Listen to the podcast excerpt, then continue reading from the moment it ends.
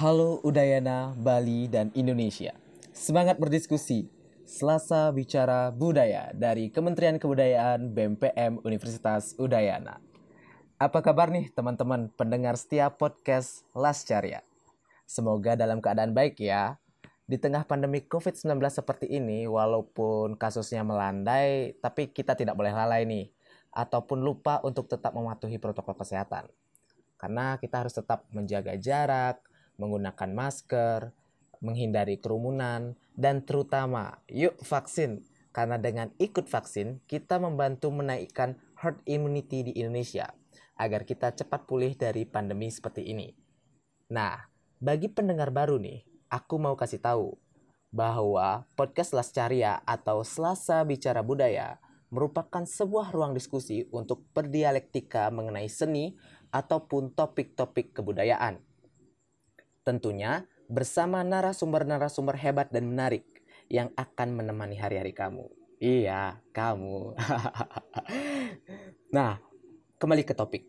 Pada kesempatan kali ini, aku, Hindu Kedaton, akan mengajak kalian mendengarkan topik hangat kita hari ini mengenai seniman muda yang menyemarakan dunia seni di Indonesia. Nah, berbicara mengenai seniman nih, apa yang mungkin hal pertama yang teman-teman pikirkan? Pasti pelukis, pemusik, penari, arranger, koreografer, ataupun hal lainnya. Iya, kalau kita berbicara seni, mungkin itu sangat luas ya teman-teman. Kita bisa bicara banyak hal mengenai seni. Tapi tahu nggak sih, kalau first impression kita kepada seorang seniman pasti yang umurnya sudah tua ya. Tapi ternyata banyak loh seniman muda yang ada di Indonesia, terutama di Bali. Ya, seniman ini berkarya tentu dengan gaya anak muda, gaya milenial lah bisa dibilang. Nah, yang bis bikin aku penasarannya adalah apa sih yang melandasi seseorang untuk terjun di dunia seni? Nah, kebetulan sekarang aku bersama seorang narasumber hebat dan dia seniman yang berbakat, terutama di seni tari. Ia pernah menjadi seorang koreografer, art director pada acara di salah satu universitas swasta, institut swasta di Bali, dan pengalaman lainnya. Nah, mari kita sambut Kak Bagas Karayana. Halo, Beli Bagas. Bagaimana nih kabarnya Beli Bagas? Uh, baik, ya Setunggara sekarang ada jalan juga diberi kesehatan oleh desa yang dewasa. Kebetulan perkenalkan nama saya Bagas Karayana, bisa dipanggil Bagas. Nah saya juga uh, dulunya di Institut Seni Indonesia Denpasar, S1-nya seni tari dan sekarang sudah S2 di ilmu agama ilmu agama dan budaya di Unhi. Wah, sekarang kesibukan dari Beli Bagas apa nih Beli Bagas? Oke, kebetulan saya uh, ada kesibukan tentang garap-garap event juga. Kebetulan sekarang sudah ada yaitu yakni kerjasama bersama Ibu Sukmawati Soekarno Putri. Wah, ya mantap Ya, mantap. Dan ini nanti juga masih perjalanan membuat suatu karya yang besar khususnya di Bali. Ya, berkat kita berkat dalam pandemi ini kita belajar untuk introspeksi dalam diri kita eh, gimana sih jati diri kita sebenarnya. Habis itu pandemi ini juga men- menjadi eh, apa namanya sumber bagi kita untuk lebih bangkit dari sebelumnya. Nah, dulunya kan kemungkinan dulu kita ketep- ke- keterpurukan, habis itu dari pandemi ini kita pem- jadi belajar, oh seperti ini, seperti itu. Jadinya untuk seniman untuk bangkit lagi. Dulunya ada event, sekarang nggak ada event, dan Ya. akhirnya Astungkara sekarang sudah pariwisata sudah bangkit, kita bisa berlari lagi. Iya, apalagi pandemi seperti ini ya, Beli. Kita Iya. belajar berpikir kreatif dan inovatif gitu Benar sih. sekali, itu yang paling utama. Iya, ya. Nah, kita kembali ke topik karena kita kan membahas tentang seniman Beli termasuk seniman yang muda ya. Kalau boleh tahu umur Beli berapa sekarang? Bli? Eh, kalau sekarang saya umurnya 23 tahun. Wah, muda sekali ya. Ya. Sangat muda ya. nah, kalau boleh tahu nih, awal kiprahnya Beli di dunia seni, apakah dari kecilkah? Terus apakah langsung ke seni tari atau awalnya dari seni musik atau bagaimana? Mungkin Beli bisa ceritain sampai sekarang, sampai tadi di- Beli bilang sampai nuntut eh, menuntut ilmu di Institut Seni Indonesia di Denpasar. Ya. Mungkin bisa diceritain dulu. Ah, baik, terima kasih. Ini kebetulan saya juga belajar nari dulunya terinspirasi dari kakek saya. Hmm. Dan bapak saya sering sharing sama sama saya waktu kecil. "Eh, lebih baik kamu ke seni aja gitu. Dan Hmm. kebetulan juga saya ada jiwa seni dari dulu. Dari ya dari baru lahir habis itu baru lahir di balita saya sudah nari-nari nari-nari yang megang topeng, perkenalan tentang seni segala Mhm. macam. Habis itu dengar musik gamelan, habis itu bapak saya nari, ngayah di pura saya ikut mendampingi waktu kecil. Nah, dari sana saya suka seni, dari penglihatan, dari pendengaran waktu kecil. Nah, habis itu saya eh, disuruh belajar nari sama bapak saya. Enak kamu belajar nari aja gitu. Habis itu emang saya juga ada kemampuan untuk nari. Ya udah saya umur 4 SD sudah belajar nari. Nah itu eh, narinya itu di eh apa namanya Eh, belajarnya itu di Sanggar Waringin waktu itu. Belajarnya di Sanggar Waringin. Saya sudah eh, sampai kelas 6 SD juga di sana belajar nari Bali khususnya belum belum meluas Iya. khususnya untuk basic saya Bali Iya. nah habis itu saya belajar lagi ke sanggar-sanggar lainnya Nah, habis itu sampai SMP saya mendapatkan juara-juara terus. Dulunya saya SMP di SMP 2 eh, Sukawati ya- yakni di Singapandu.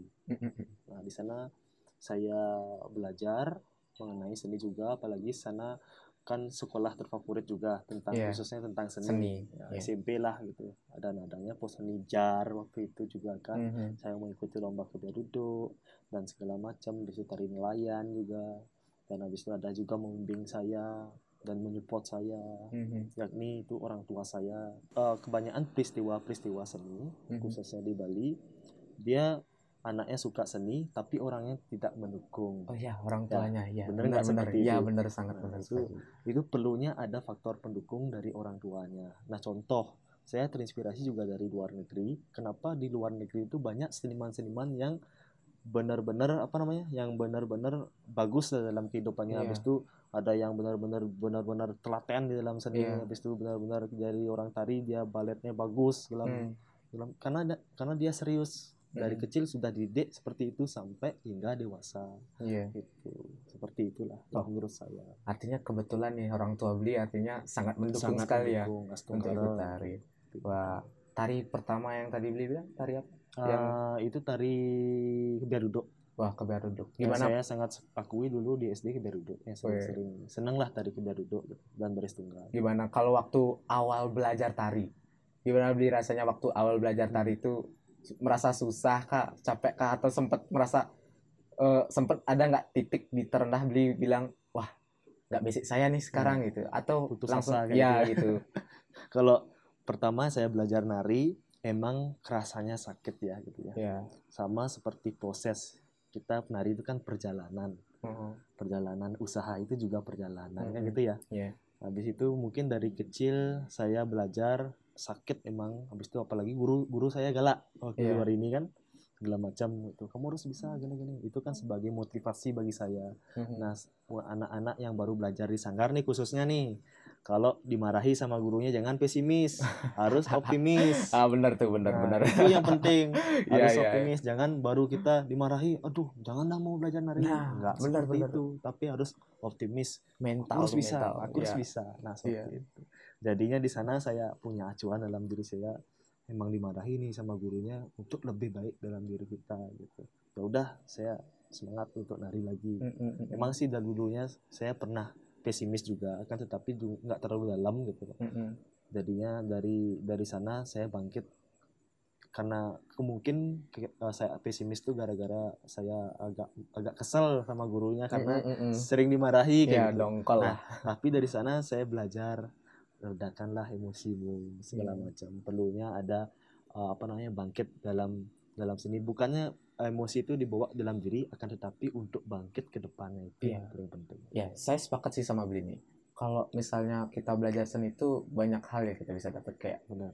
selain mental, kita juga belajar kesabaran. Soalnya Sabaran. kalau belajar seni itu kan kita dari awal proses pertama praktik sama soalnya teori sama praktek itu kan sangat berbeda Iya, ya sangat beliau berbeda dan Sangat. susah juga untuk seimbangnya gitu ya. iya benar-benar keseimbangan teori dan praktek. Ada juga banyak yang uh, berteori tapi prakteknya nol. Mm, mm, iya, itu di zaman benar. sekarang ya kita Iya. hadapi kan gitu Benar, ya. Kita alami bukan hadapi. Habis itu ada juga uh, dia prakteknya bagus, habis itu teorinya ya nggak nggak nggak Mm, mm. stabil gitu, Iya, segala iya. macam. Nah jadinya teori dan praktek itu harus seimbang dia dengan. Itu yang susah. Nah, kalau berbicara tentang gini orang tua dukungan orang tua, kalau eh, mungkin dari teman-teman nih, dari yang punya juga suka seni juga mungkin ya, mungkin pengen belajar tari juga, tapi nggak didukung sama orang tuanya. Eh, kalau sempat sih juga saya baca-baca kayak kebanyakan mayoritas orang tua nggak dukung anaknya terjun ke dunia seni itu karena alasan pekerjaan Ya pasti pasti kan. masa depan anaknya Iya. itu yang utama. Nah, kalau dari Bli sendiri, kok bisa tiba-tiba kayak orang tua eh, mendukung langsung eh, ya udah Bli Bagas langsung eh, seni aja, langsung ke tari, belajar Hmm. tari gitu. Iya. Sangat mendukung lah seperti itu. Iya. Gimana Bli? Eh, gini ya, kalau menurut saya sih tentunya adanya edukasi yang seperti ini, broadcast ya, terutama ya, untuk apa ya, untuk mendengar, maksudnya untuk pembelajaran dari uh, pendengaran. Mhm. Jadinya dari broadcast, broadcast, broadcast ini, jadinya kita bisa memahami, oh ternyata dari broadcast ini kita mau ngambil sebuah makna Mhm. dari mungkin orang tuanya yang mendengar broadcast ini, jadinya Mhm. dia tuh menyadari Iya. kalau anaknya suka seperti ini misalkan seni atau enggak teknik atau enggak bidang hukum jangan itu dilawan gitu loh Iya. itu udah jalannya dia Iya. seperti itu jadinya kita nggak boleh ngekang sebagai orang tua emang sih eh, kita tuh sayang kepada orang tua tapi jangan terlalu lebih nah Hmm. itu yang membuat eh, anaknya celaka karena Iya, lebih iya. sayang lebih sayang itu udah kepada kepada Iya, iya, anaknya iya. Kayak mengekang, mengekang tidak ya, memberikan kebebasan lah untuk Iya. anaknya untuk gini. Biar eh, padahal dari segi orang tua tuh sayang sama anaknya Iya. untuk masa depannya biar bagus habis itu biar publikasinya biar bagus kayak gitu kan Iya. tapi anaknya yang nggak nggak seneng seperti itu dalam dalam dia mempelajari sesuatu yang disuruh sama ibu ya kan nggak mungkin kan seperti itu Iya, iya. jadinya dia lebih oh malas gitu ya Iya, itu, benar. ah jangan dah sekolah lagi nah jangan dah bolos saja gitu jadinya kan Iya.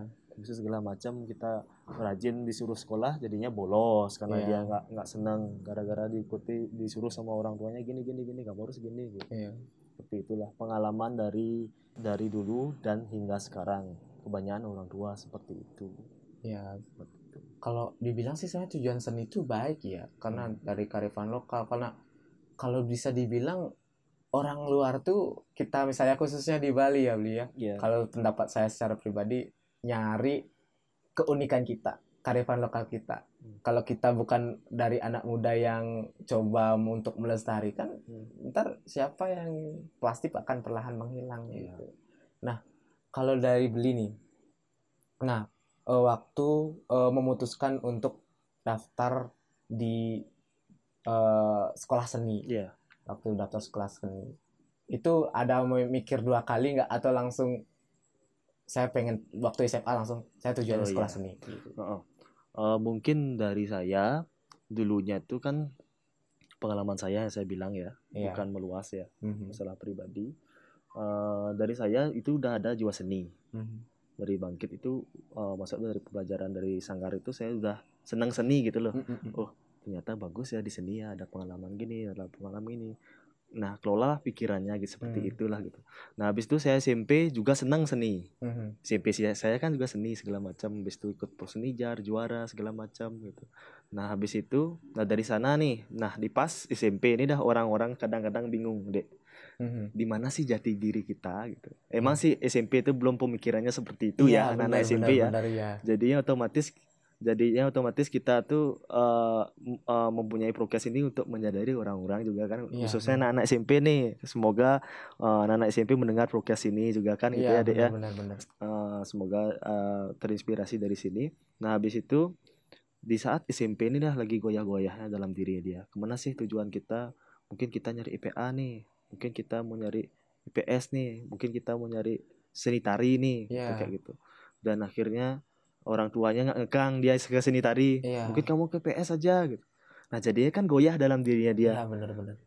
sebenarnya dalam dirinya dia suka seni tapi ibunya yang yang ngekang kayak gitu Iya, segala macam jangan kamu ke sini enakan ekonomi aja cari mungkin kamu nanti bisa kerja di bank nah, seperti wah, itu itu relate Nah, sih. itu- itu langsung itu, realita, realita, kan ya. Nah, seperti itu nah khusus anak-anak seni jangan seperti itu kalau menurut saya kendalikanlah jati dirimu yang sesungguhnya. Apa yang kamu rasakan itu yang kamu lakui. Emang sih orang tua emang emang sih orang tua bisa seperti itu karena sayang kepada anaknya. Akan tetapi kita sebagai anak perlu adanya uh, ngomong kepada orang tua. Ya, komunikasi. komunikasi itu penting. Nah, seperti itu. Jalan saya seperti ini, Ibu, Bapak, mohon maklumi saya karena saya juga senang eh, apa namanya? senang seni tari, Mm-mm. seni musik, seni segala macam Iya. gitu. Jangan baru orang seni kamu mau jadi apa nanti? Nah, seperti itu itu Iya. salah besar kalau menurut Iya. saya. Nah, jadinya Oh, kalau menurut saya misalkan saya punya anak, dia suka seni ya udah saya lepas. Jadinya dia misalkan suka seni. Seni itu banyak. Seni itu banyak dalam bidang usaha. Menurut kalau menurut saya, Iya. seni itu bisa kerja di dinas kebudayaan. Ah, benar. Seni itu juga bisa membuat suatu eh, apa namanya? kostum Heeh. dalam seni seni tari kan membuat Iya, kostum iya. kontemporer segala macam. Dia Benar, bisa membuat bidang usaha kostum Iya. kostum tari. Nah, habis itu bisa menjadi tata rias, make Ya. up, make up artis seperti itu. Heeh. Nah, habis itu yang kedua juga bisa dia menjadi komposer, geografer, Iya. Belajar filsafat, nah Mm. seperti itu. Heeh. Nah, habis itu juga dia bisa mem, eh, apa namanya mendesain properti, Iya. properti tari, tari kan tahu deh ya, Iya, tahu tahu. seperti pajang yang bisa dibuka, tunjung, dia membuat suatu tunjung, habis itu segala macam. Nah, itu sebagai skillnya dia gitu loh. Iya. sebagai untuk mencari uang nah seperti itu Iya. nah jadinya apalagi sekarang pemerintahan lebih diutamakan anak-anak itu mempelajari sebuah skill Iya. bukan teori. Nah teori itu sebagai pengimbang dalam hidup. Yang utama itu adalah skill. Kalau kita nggak ada nggak ada teori eh nggak ada skill nggak juga ada teori. Kalau nggak ada teori nggak ada skill juga. Jadinya teori dan skill harus seimbang. Jadinya teori itu harus sebagai pengimbang kita untuk melangkah yang lebih bagus gitu Iya. dalam bidang usaha kita nanti. Apa Iya, tujuan kamu? benar, benar, benar. Karena kita kan eh, memang dari keinginan orang tua seperti ini, sedangkan jati diri kita seperti ini. Kalau memang jati diri diri kita seperti ini, ya udah kita harus Harus buktikan, gitu lah. buktikan, ya. buktikan bahwa Iya. kita mampu. mampu ya. Iya.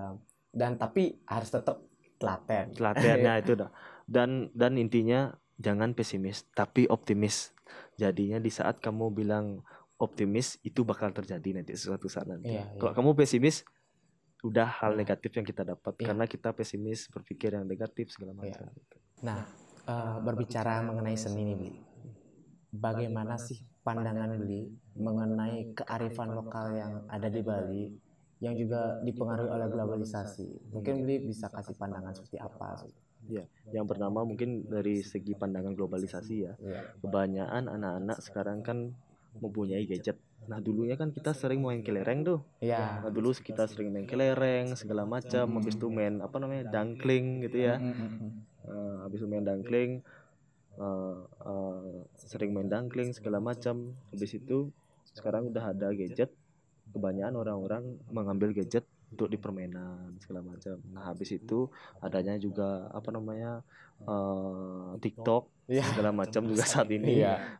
Saat ini saat ini TikTok habis itu eh, ada yang apa namanya tuh yang yang negatif lah unsur negatif Iya. yang TikTok itu yang dilihat sama anak-anak Iya. saat ini gitu tapi kalau menurut saya sih adanya pergerakan untuk anak-anak seni Nah, pergerakan anak-anak seni itu apa kan itu Mm. seperti broadcast ini Mm-mm. seperti kita membuat satu media yaitu pembelajaran tari baris habis Mm-mm. itu pembelajaran tari budaya eh, apa misalkan eh, tradisi tari tari yang ja- zaman kuno Ya, itu. seperti kemarin itu. tuh genggong. ya genggong ya seperti itu. itu. Yang di- dimunculkan dalam segi video. Ah, nah it- kalau bisa sih masuk di TikTok. Jadinya kan orang-orang bisa ngelihat. Ah. bisa orang lihat di sana dan pembelajaran juga bagi kita. Nah seperti itu. Nah itu menurut pandangan eh, beli harus ada eh, emang membuat satu program uh, seperti ini Iya. seperti itu itu dari segi uh, pandangan globalisasi saat ini Iya. adanya pengaruh gadget lah Iya. intinya seperti itu nah habis itu kalau dari segi pandangan kearifan lokal Iya. anak-anak sih sekarang banyak-banyak berkarya lebih bagus Aha. karena dari segi basic dia mempunyai apa namanya talenta dalam hidupnya dia untuk mengembangkan mengembangkan mengembangkan terus tapi kalau seni tidak dikembangkan Mhm. misalkan nih saya belajar tari dari. SD sampai sekarang. sampai bisa bergarap apa menjadi koreografer segala macam ya. Di situ kita kembangkan lagi ke desainer kayak gitu ya. Bisa Iya. bikin kostum segala Iya. macam. Nah habis itu bisa meminit ya. Iya. habis itu meminit event organizer segala macam kayak gitu. Menit orang lah dengan Iya. personil yang banyak kayak gitu. jadinya seni itu harus dikembangkan. Mhm. misalkan jangan kamu eh, misalkan jangan tari. ya udah tari aja seperti itu. Mhm. Jangan kamu dancer ya udah dancer. aja. Nah kita perlu menjadi seorang koreografer menjadi seorang desainer bisa menjadi seorang event organizer. Nah seperti itu. Jadinya perlunya adanya eh, pengembangan dalam basic. Nah itu. itu dari segi contoh itu dari contoh eh, beli. Iya. yang pertama. Yang contoh kedua juga ada. contoh kedua misalkan kita basic tari nih. Iya. kita nggak pernah latihan nari Habis itu hilang basic kita segala macam. Itu Gimana saya. ngagam? Gimana sih gini seperti itu? Iya. Itu jadinya mungkin eh, mungkin maaf ya, mungkin eh, dari segi eh, orang-orang lebih istilahnya Balinya koh. Nah, mm, mm. misal misalkan eh, bahasa Indonesia itu malas lah seperti itu untuk bergerak gitu loh. Apalagi sekarang Covid ini seperti ini, Dek. Nah, ini sangat susah, nggak ada event juga kan? Iya. nggak ada eh, apa namanya eh, kerumunan tidak boleh segala macam. Iya. Jadinya orang-orang seni kebanyakan ke makanan, Iya. berjualan segala macam untuk menakau, menakaui Kehidupannya. hidupnya, hidupannya. Dan habis itu orang-orang dancer juga diam di rumah. Hmm. Palingan cuma dia bergerak juga di rumahnya, bikin video seperti itu dan di di apa namanya disebarkan di sosmed segala macam Iya. biar ada aktivitas lah seperti itu. Iya. Nah, jadinya kalau menurut Wi, kalau kita diam aja, ilmu itu bakalan hilang. Hmm. Kalau misalkan kita udah bergerak, ya udah datang lagi uh, ilmu itu gitu. Iya. Jadi lebih nambah. Jadinya da- menurut Wi pandangan uh, kearifan kearifan lokal ini harus dikembangkan. Terus dikembangkan, dikembangkan, dikembangkan. Ini sih relate sih, Bi. Apa ya? Hampir sama sih kalau dari saya ya. Kalau jujur secara pribadi kelas 2 SD belajar tari juga pernah sih. Terus berhenti ya gitu. Hmm. Hilang dah pelajaran tari hilang, saya. Padahal gini loh, kalau saya misalnya orang Bali ketemu sama orang luar, Hmm. terus orang orang luar tuh pasti nanya, kamu or- dari mana? Dari Bali. Wih, Bali itu dikenal sama tarinya. Kamu bisa nari. Iya, Ya, sebenarnya itu itu yang jadi ciri khas biasanya. Nah itu apalagi gini ya, kalau di Bali itu kan lebih identiknya dengan mengenali kebudayaan kita. Mm-mm. Habis itu kebudayaan kita, adat istiadat kita, Hmm. habis itu seni kita, agama kita. Apalagi di Bali itu dikenal dengan taksu. Nah seperti itu. Jadinya kita tuh harus mempertahankan budaya kita. Iya. Habis itu mempertahankan adat istiadat kita. Jangan sampai dipengaruh oleh orang-orang yang tidak kita kenal, orang-orang asing yang dari luar. Mm. Kan banyak banyak strategi ya. Iya. Nah, seperti contohnya mungkin eh, dalam dalam TikTok itu. Mm. Nah, TikTok misalkan kita suka sama Korea nih. Iya. Sebenarnya bukannya saya mengejas eh, pemerintahan Korea, tapi eh, mungkin ini yang saya alami. Hmm. Karena dari segi pemerintahan Korea itu dia membuat suatu eh, apa namanya? grup band, apa namanya? basic band untuk mempengaruhi eh, kearifan lokal kita. Oh, Seperti iya, itu. iya.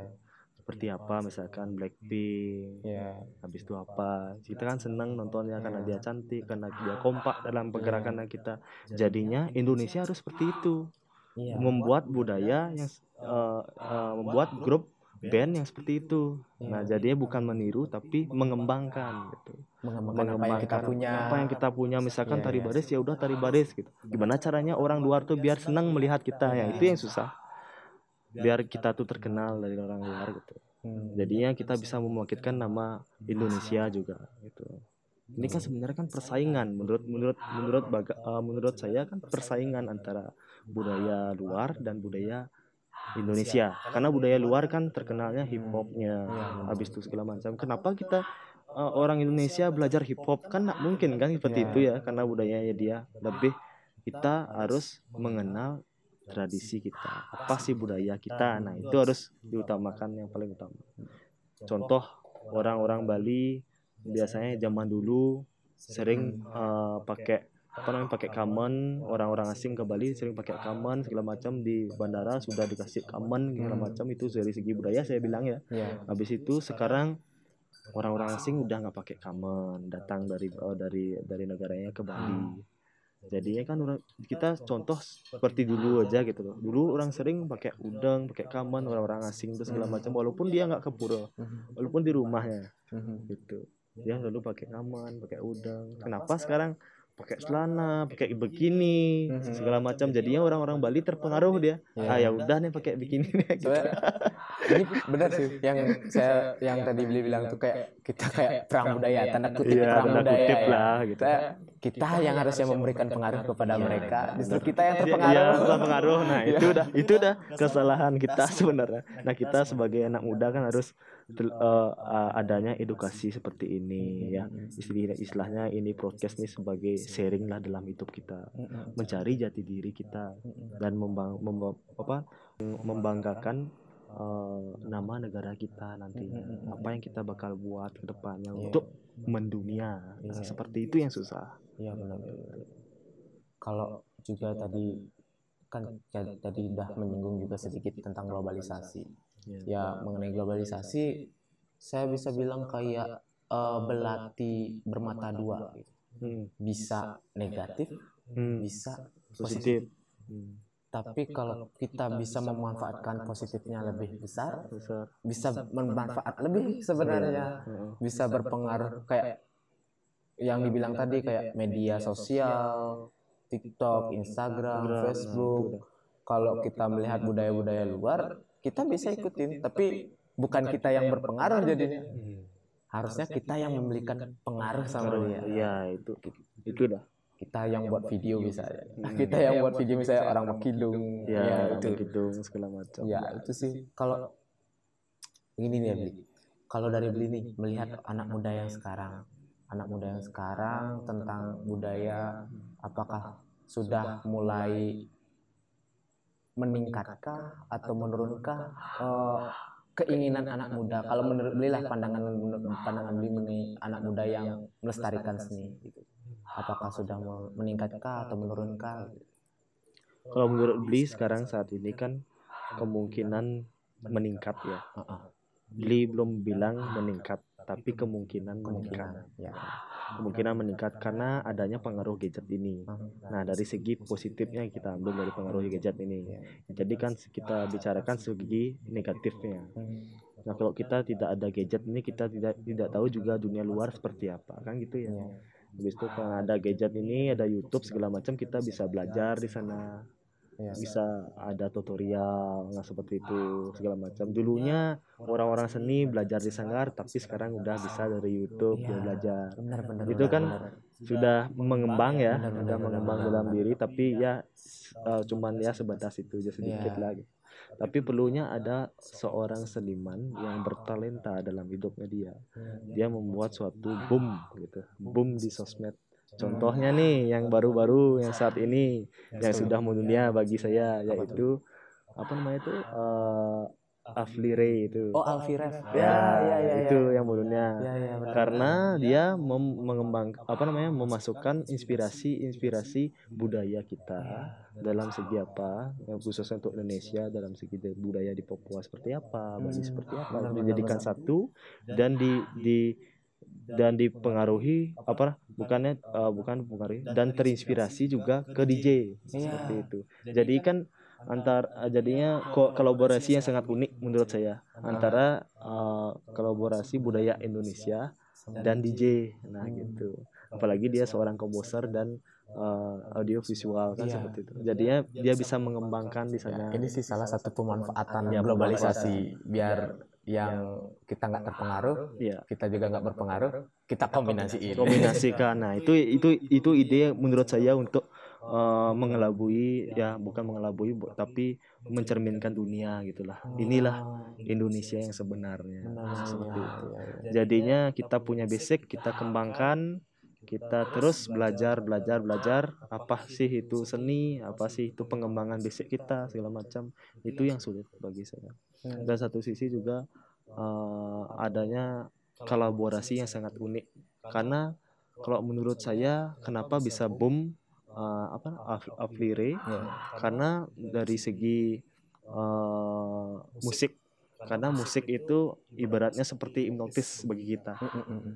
sebagai kita misalkan ada masalah dari segi uh, kita ada masalah kita mendengar musik kita bisa tenang Iya. itu kan hip- hipnotis itu kan Iya, iya. segala benar. macam apalagi kita mendengar dulunya nggak tahu uh, apa namanya nggak tahu budaya nyanyian budaya di Indonesia gara-gara musik itu kita Tahu tahu lagunya tuh. lagunya itu Iya. jadinya kita bisa bernyanyi tentang Iya. apa namanya tentang budaya Indonesia segala macam nyanyian Indonesia kayak seperti itu jadinya itu sangat bermanfaat bagi untuk Indonesia Mungkin yang mendunia lah itu sih yang jadi boleh jadi ditiru ya ditiru sama anak muda sekarang ya. Ya. apa yang mungkin jadi kini mereka kita kembangin lah.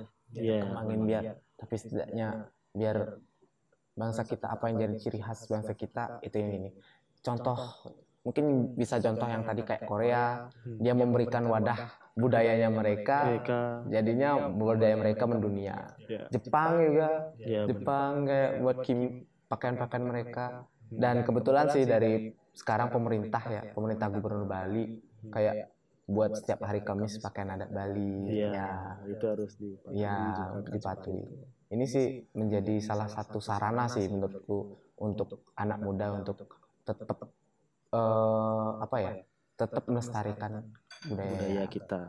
Nah, dari pengaruh budaya ini, pengaruh globalisasi ini, kalau menurut Beli, eh, tadi kan itu salah satu inovasinya. Nah, ada nggak inovasi yang inovasi lain yang bisa dikembangkan oleh anak muda yang sekarang supaya bisa misalnya dari aku sendiri nih pengen ngajak kayak yuk eh, semuanya ikut eh, nari melestarikan budaya gitu. Nah, kalau dari Beli ada nggak inovasi atau cara-cara kiat-kiat lah untuk ngajak-ngajak teman-teman biar ikut tari gitu. ya ya tentunya sih. eh, satu dari segi bicara itu kan penting dari Hmm. segi bicara seperti broadcast ini. ya. Ya, mungkin nanti dari podcast ini kita sadar. Lah kembali lah kepada eh, kebudayaan kita khususnya di Bali. Hmm. lah seperti itu. Kembalilah apa sih yang kita cari? orang-orang asing itu sebenarnya yang cari yang kita yang dia cari adalah budaya kita. Iya benar. dia benar. belajar nari Bali Iya. segala macam dan itu bisa dipakai bisnis sama dia nah itu sangat disayangkan sekali sebenarnya. Di- dipakai bisnis ke negaranya dia dan dikembangkan di sana Iya. di budaya di budaya dia. Kenapa nggak orang Bali yang ke sana? Nah seperti itu. Ah, ah, ah, itu sebagai Ya. sebagai gimana ya? sebagai eh, permasalahan juga sih gitu. Untuk Iya. untuk eh, untuk apa namanya? Untuk saat ini gitu. Iya. segala macam. Nah perlunya adanya eh, edukasi yang seperti ini podcast habis itu juga kita adanya sosmed sosial media sekarang. eh, kita membuat suatu video-video Hmm. juga. video habis itu audio audio dan visual mungkin dari segi anak kerawitan mungkin dia bikin audionya. Anak tadi mungkin bikin visualnya seperti apa. Nah seperti itu. Habis itu mungkin ada adanya kombinasi dengan barat boleh juga Iya, iya. jadinya orang-orang seni sebenarnya kan uh, anak-anak muda tuh lebih cenderung dia belajar tari Bali itu ah kuno gitu Ah, iya. itu yang sangat disayangkan sekali Iya. ah udah udah duluan pesimisnya gitu Iya, loh iya. bukan optimisnya seperti Iya, itu iya. Nah, kita belajar K-pop aja. Iya. Nah, kita belajar hip hop aja. Nah, Iya. seperti itu. Karena itu yang karena keren ya karena dari segi musiknya ya kan dia Iya. mungkin senang bass kayak gitu Iya. ya. Segala macam. Habis itu eh, apa tradisional itu ibaratnya udah kuno kayak gitu. Hmm. Kalau menurut saya sih enggak. Kita udah di Bali harus cinta Bali harus cinta budaya kita, tradisional kita seperti apa seperti itu. Hmm. Jadinya perlu ada penggerakan nih untuk teman-teman yang sekarang uh, mendengar podcast ini. Ayo kita semangat untuk mempelajari apa sih jati diri kita yang sesungguhnya. Apa sih uh, pergerakan kita nih untuk melangkah yang lebih baik dalam mengembangkan seni dan budaya agar budaya kita tidak dipengaruhi oleh orang-orang asing. Nah, seperti itu. Jadinya bagi teman-teman saya harap agar kalian introspeksi diri dan bergerak dalam seni dan budaya dan agama. Itu yang penting. Dan ajaran agama seperti apa? dan ajaran budaya kita juga apa dan ajaran seni juga eh, seni kita juga apa itu harus kita dalami dengan baik-baik yuk kita mulai sekarang. yuk kita belajar dari saat ini dari pandemi ini kita bisa belajar bareng-bareng. Wah benar benar benar nah dengerin tuh teman-teman. teman-teman. Setiap pendengar podcast ini mungkin yang sedang sejomblo dengerin ini. Ya, jomblo habis itu galau sama pacarnya. Nah, habis itu yang dengerin podcast ini ya, dengerin. Pokoknya kita pokoknya gali jati diri kita, cari jati diri kita bahwa sadari loh bahwa kita ini punya ciri khas orang-orang luar tuh punya eh, nyari kita itu karena ciri khas kita yang kita punya keragaman budaya yang besar sekali. Kalau dari kita anak muda yang nggak berusaha melestarikan hilang satu persatu itu juga menghilangkan wisatawan juga ya, menghilangkannya. karena perlu kita sadari pariwisata juga yang memberikan devisa tinggi di negara kita. jadi dan, dan sedangkan dari par, uh, seni pariwisata ada. Iya sedih gitu. benar. Jadinya saling mengisi antara seni dan pariwisata dan agama dan budaya. Mm -mm jadi itu ekonomi Bali juga bangkit kan yeah. segala macam. Nah contoh seperti saat ini juga sangat disayangkan sekali kan adanya pandemi pariwisata juga tidak ada otomatis juga seninya juga jatuh yeah, seperti benar, itu. benar. jadinya emang harus kita belajar saat ini. Inilah di saat kita dikasih cobaan uh, penyakit kepada Tuhan menjadi introspeksi diri dalam-dalam jadinya untuk mengembangkan dirilah dulunya uh, kita nggak bisa masak dulunya kita sering nari segala macam seni jadinya kita bisa masak gitu ya. Kita bisa mengembangkan diri kita. Nah, apa pun itu yang kita jalani gitu dulunya kita nggak bisa bisnis dulunya kita cuma dancer jadinya kita bisa bisnis. Berkat pandemi ini kan gitu ya, ya. itu pembelajaran yang sangat luar biasa sih ya mungkin itu aja sih beli ya, terima kasih terima kasih banyak ya. wah sangat banyak hal yang bisa kita dapat dari beli bagas ya pengalaman pengalaman beli bagas ilmu ilmu yang uh, yang diberikan sama beli bagas. Mungkin bisa kita inspirasi hal-hal baik yang bisa kita teladani seperti itu. nah kalau bisa kita sadari bahwa seni yang dibilang tadi kayak seni itu kita bisa mengembangkan pokoknya seni itu hal yang luas. kita bisa pelajari banyak hal di seni. jadi uh, teman-teman mungkin yang mendengarkan podcast ini jadi ayo kita sadari diri itu karena kita sebagai anak muda terutama kayak seperti beli bagas jadi seniman muda mari kita lestarikan kearifan lokal. Mungkin ya, demikian. Terima kasih. Lokal, ya. Terima kasih Bli Bagas. Ya, terima kasih. Semoga, ya, Semoga damai terus. Ya. Indonesia bangkit dan Bali juga bangkit. Merdeka. Merdeka. Merdeka. Oke, terima kasih teman-teman. Mungkin sebagai penutup nih. Tad, uh, tadi hal yang kita sudah bicarakan, aku simpulin lah dikit. Jadi, pertama kita sebagai seorang pemuda, seorang anak muda, ada generasi milenial, ada generasi Z, tetap kita pada jati diri kita. Jati diri kita apa? Dari seni. Kita ada berasal dari seni, berasal dari kearifan lokal kita. Seni itu apa? Tidak hanya tentang seni tari aja, tapi ada banyak hal yang kita bisa pelajari di seni. Mungkin itu yang bisa kita simpulkan pada hari ini. Oke, terima kasih. Sebagai penutup, aku ada pantun nih. Apa ada teman-teman? Kak Bagas suka seni, seni tari, ciri khasnya. Sekian pembahasan kita hari ini. Sampai jumpa pada Lascarya selanjutnya. Bye bye, salam budaya. Dadah. Salam budaya.